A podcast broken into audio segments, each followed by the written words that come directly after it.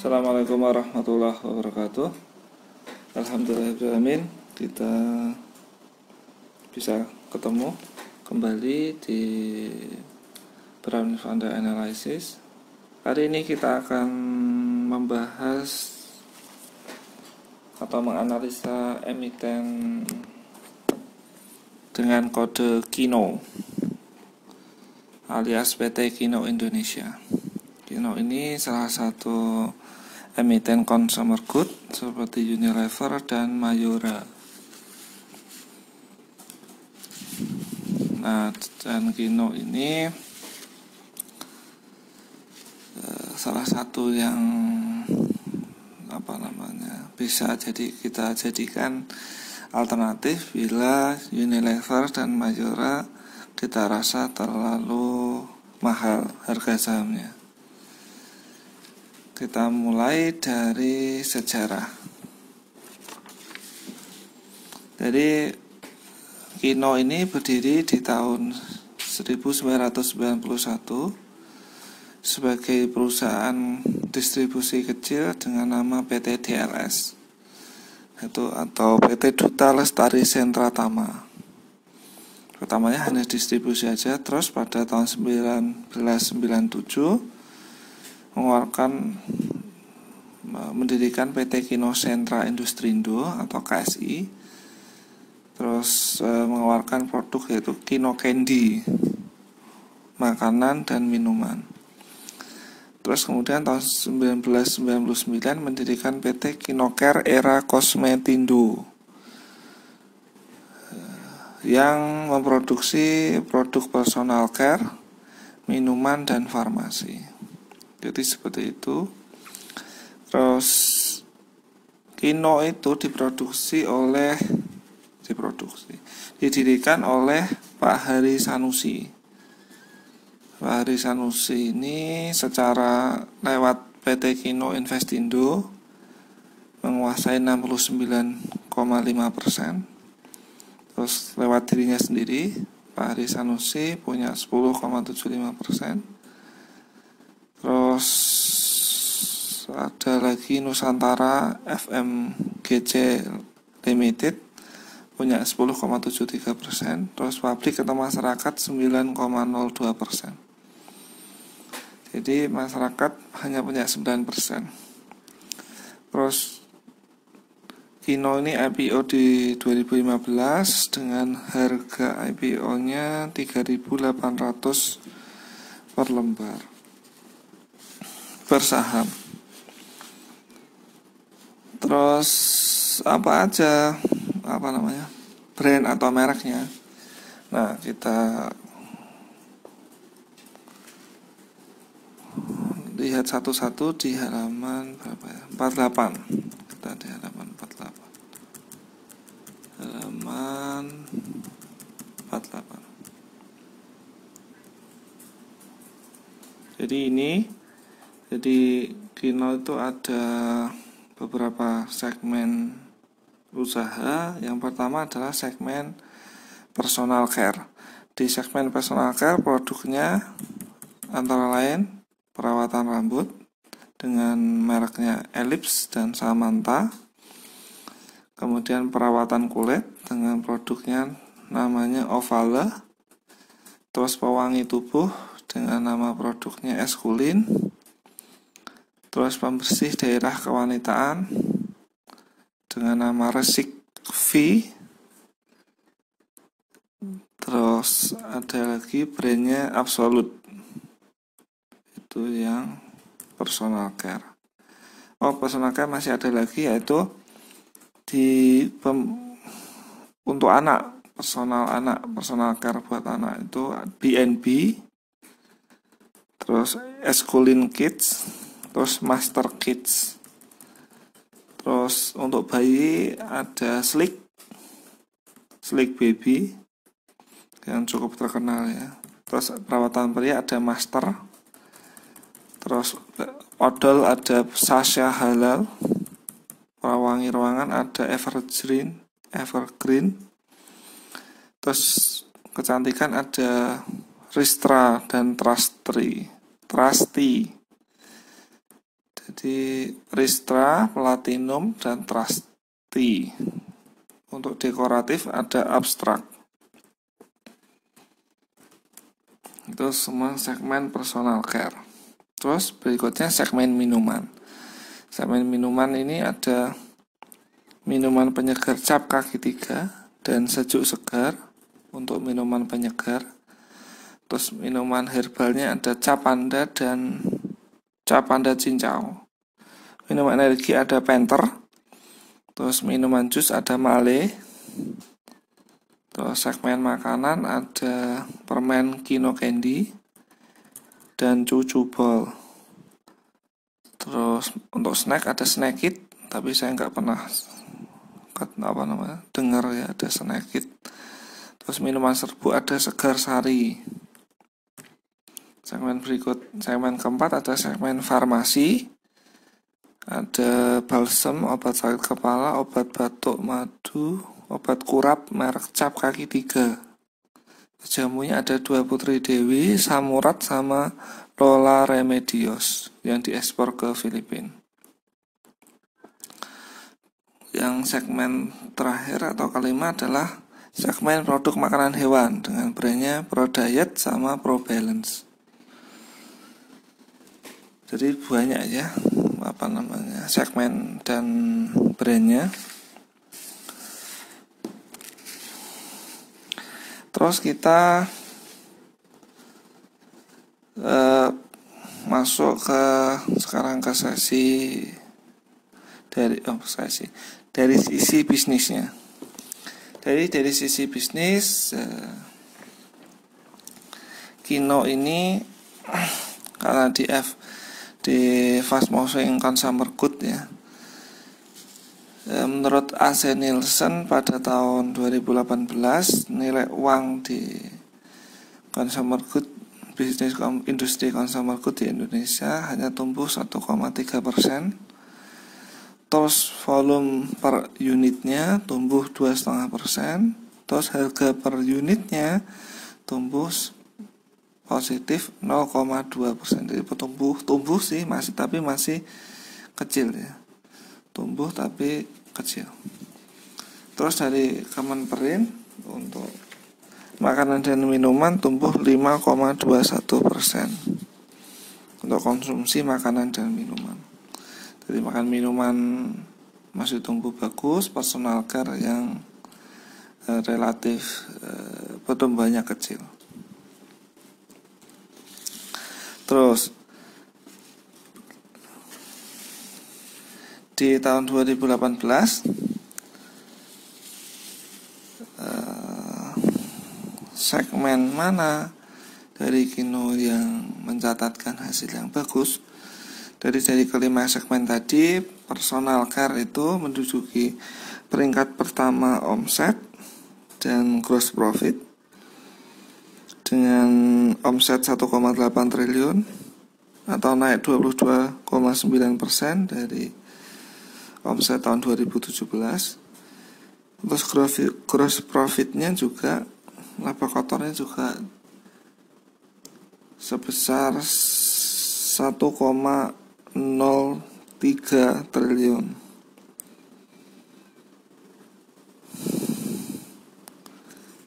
person, segmen, apa, segmen menduduki peringkat pertama omset dan gross profit. Yang menduduki peringkat kedua adalah segmen minuman dengan omset 1,52 triliun atau meningkat 24,7 persen. Dari angka tahun 2017 segmen minuman menyumbangkan gross profit 592 miliar atau meningkat 29,5 persen dari gross profit di 2017 jadi bagus banget.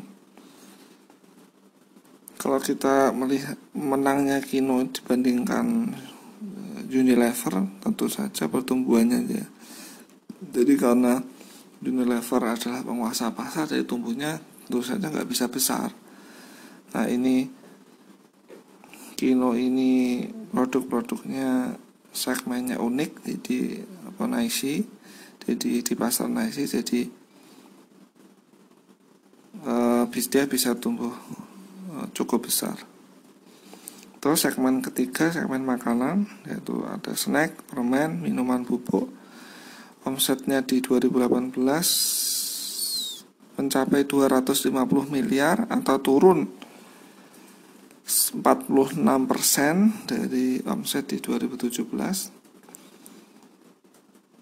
karena penurunan ini gross profitnya turun jadi hanya dua setengah miliar.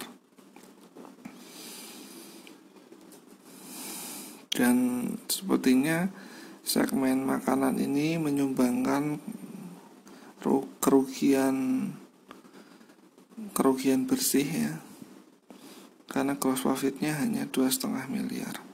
Terus segmen keempat adalah farmasi yang menyumbangkan omset 26,9 miliar, tumbuh oh, berapa ini? Lebih dari enam kali, enam kali lipat dari omset tahun 2017 yang hanya 3,58 miliar. Gross profitnya 16 1,8 miliar. Atau tumbuh hmm, 64 kali jadi gross profit 2017 terus segmen berikutnya adalah makanan hewan yang baru pertama kali jualan di 2018 yang mencapai 4,19 miliar dengan gross profit 1,1 miliar jadi dari lima segmen itu hanya satu yaitu segmen makanan yang turun omsetnya dan menyumbang kerugian bersih. Terus berikutnya untuk utilisasi pabriknya eh, rata-rata masih di sekitar 40-50% dari kapasitas produksi pabrik jadi relatif aman kecuali hanya farmasi yang kapasitasnya sudah eh, lebih dari 60% selain itu masih di antara 40 sampai 50% jadi aman. Terus sekarang kita ke ikhtisar laba rugi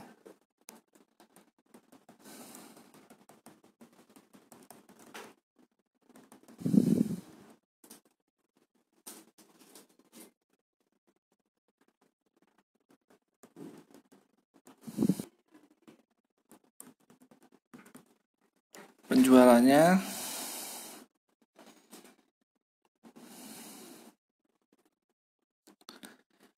tahun ini penjualannya ya. Omset penjualan atau omsetnya naik 14,3 persen eh, di 2017 dan ke 2018 dari 2018 naik 14 persen. Tapi kalau kita lihat di 2016 sempat 2017 mengalami penurunan ya. Terus gross profitnya ini tumbuh 23% atau laba kotornya tumbuh 23% terus laba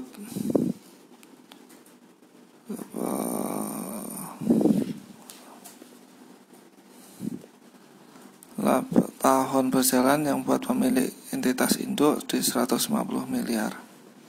Jadi bagus karena meningkat. Terus berikutnya dari kalau kita lihat apa kotor dibandingkan omsetnya penjualannya sekitar 30 30 sampai 40 persen jadi bagus gross profit marginnya bagus. Lebih dari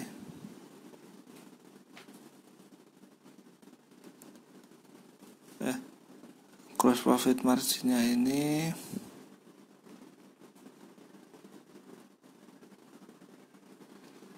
sekitar 37 persen ya. Jadi bagus terus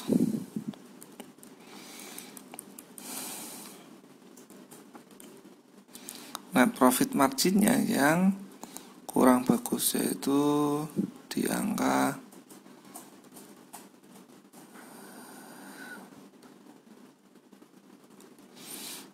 tujuh persen saja. Jadi kurang bagus. Terus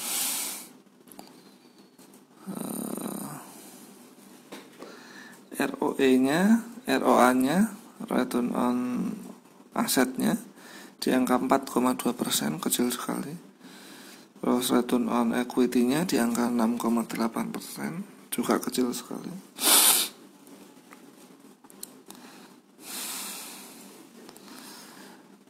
Jadi secara apa namanya secara bisnis kemampuan Kino ini uh, patut dipertanyakan ya.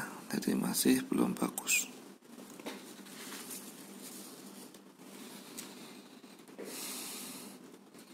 Terus berikutnya adalah dari sisi keuangan uh, auditornya itu Crowe auditor laporan keuangannya Kino itu Crowe bukan Big Four. Terus kalau kita lihat neracanya sangat simpel ya jadi simpel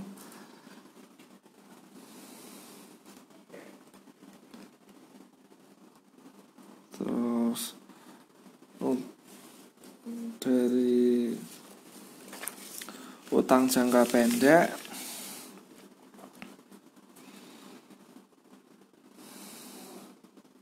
Utang bank jangka pendeknya eh, ada 586 miliar. Sedangkan utang jangka panjangnya kecil hanya 4 miliar.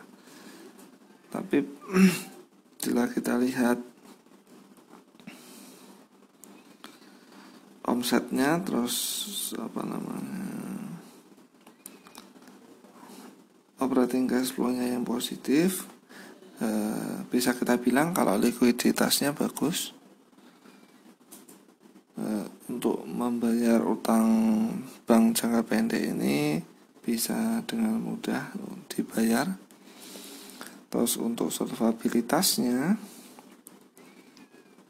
untuk likuiditasnya karena karena rasionya satu setengah kali jadi bagus ya. Jadi utang bank jangka pendeknya yang 586 miliar itu e, bisa mudah tercover. Terus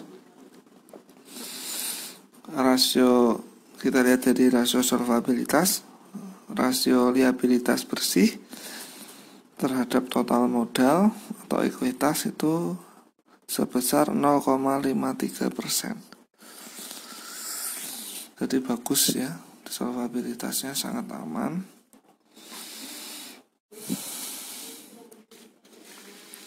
Jadi dari terus OCF nya juga gitu walaupun turun dari 104 miliar ya, jadi di 2018 jadi 104 miliar tapi positif dan uh, bukan masalah karena di 2017 operating cash flow-nya itu 240 miliar. Jadi cash flow-nya bagus.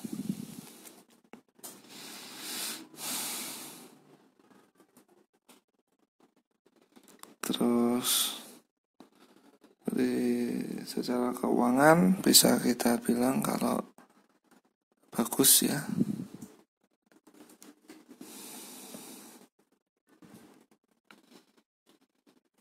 Sekarang kita melihat Kino dari sisi manajemen. Dari sisi manajemen satu laporan keuangannya kita lihat dari laporan keuangan bagus. Tidak ada akun neko-neko terus dari laporan tahunannya laporannya juga tidak berbelit-belit. Ada masalah juga diceritakan. Terus Kino ini secara bisnis juga tumbuh terus jadi bagus. Terus secara dividen dividennya juga rajin bayar di 2018 untuk tahun buku 2017 itu bayar dividen 27 per saham. Kemudian di 2017 bayar 25 per saham terus 2016 bayar 37 per saham.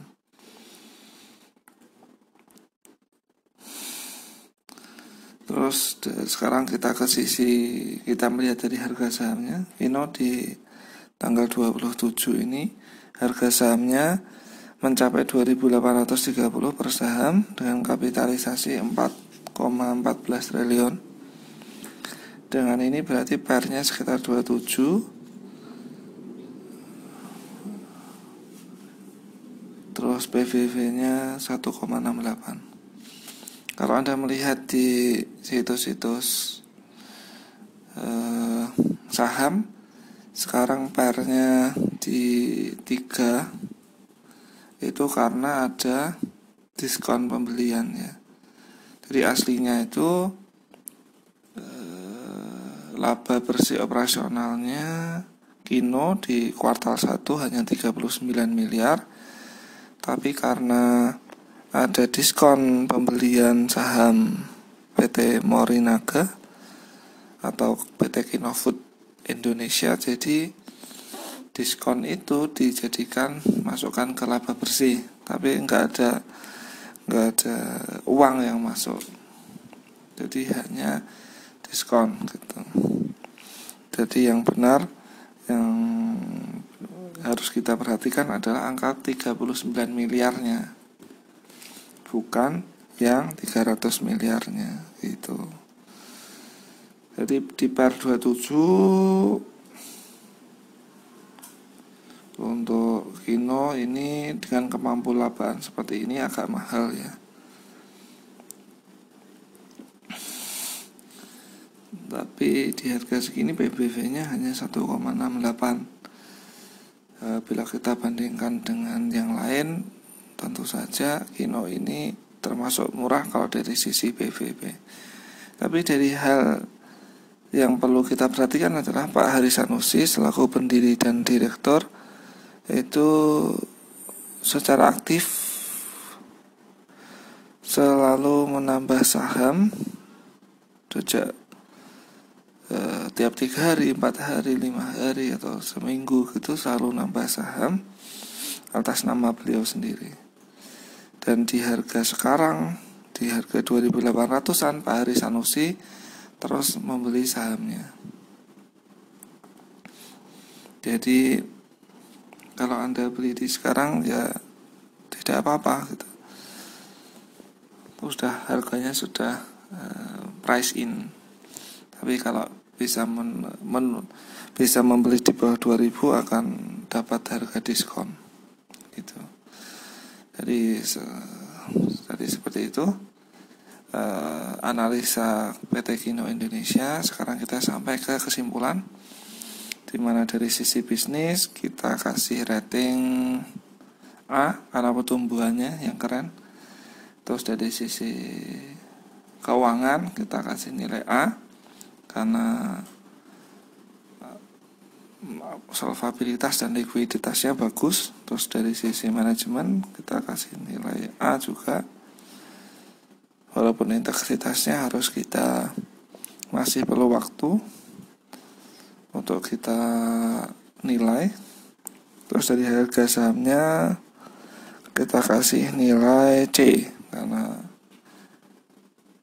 eh, kita bisa dapat lebih murah harusnya gitu. bila ada pertanyaan tentang emiten Kino atau PT Kino Indonesia silahkan komentar di kolom komentar di bawah eh, bila anda lebih suka membaca analisa saham berupa tulisan silakan kunjungi irfanda.id eh, dan silakan komen di sana Bila ada kata-kata yang kurang berkenan, mohon dimaafkan. Saya Dr. Irfanda dari Dr. Bram Irfanda dari Irfanda Capital. Sampai ketemu di analisa-analisa berikutnya insya Allah. Assalamualaikum warahmatullahi wabarakatuh.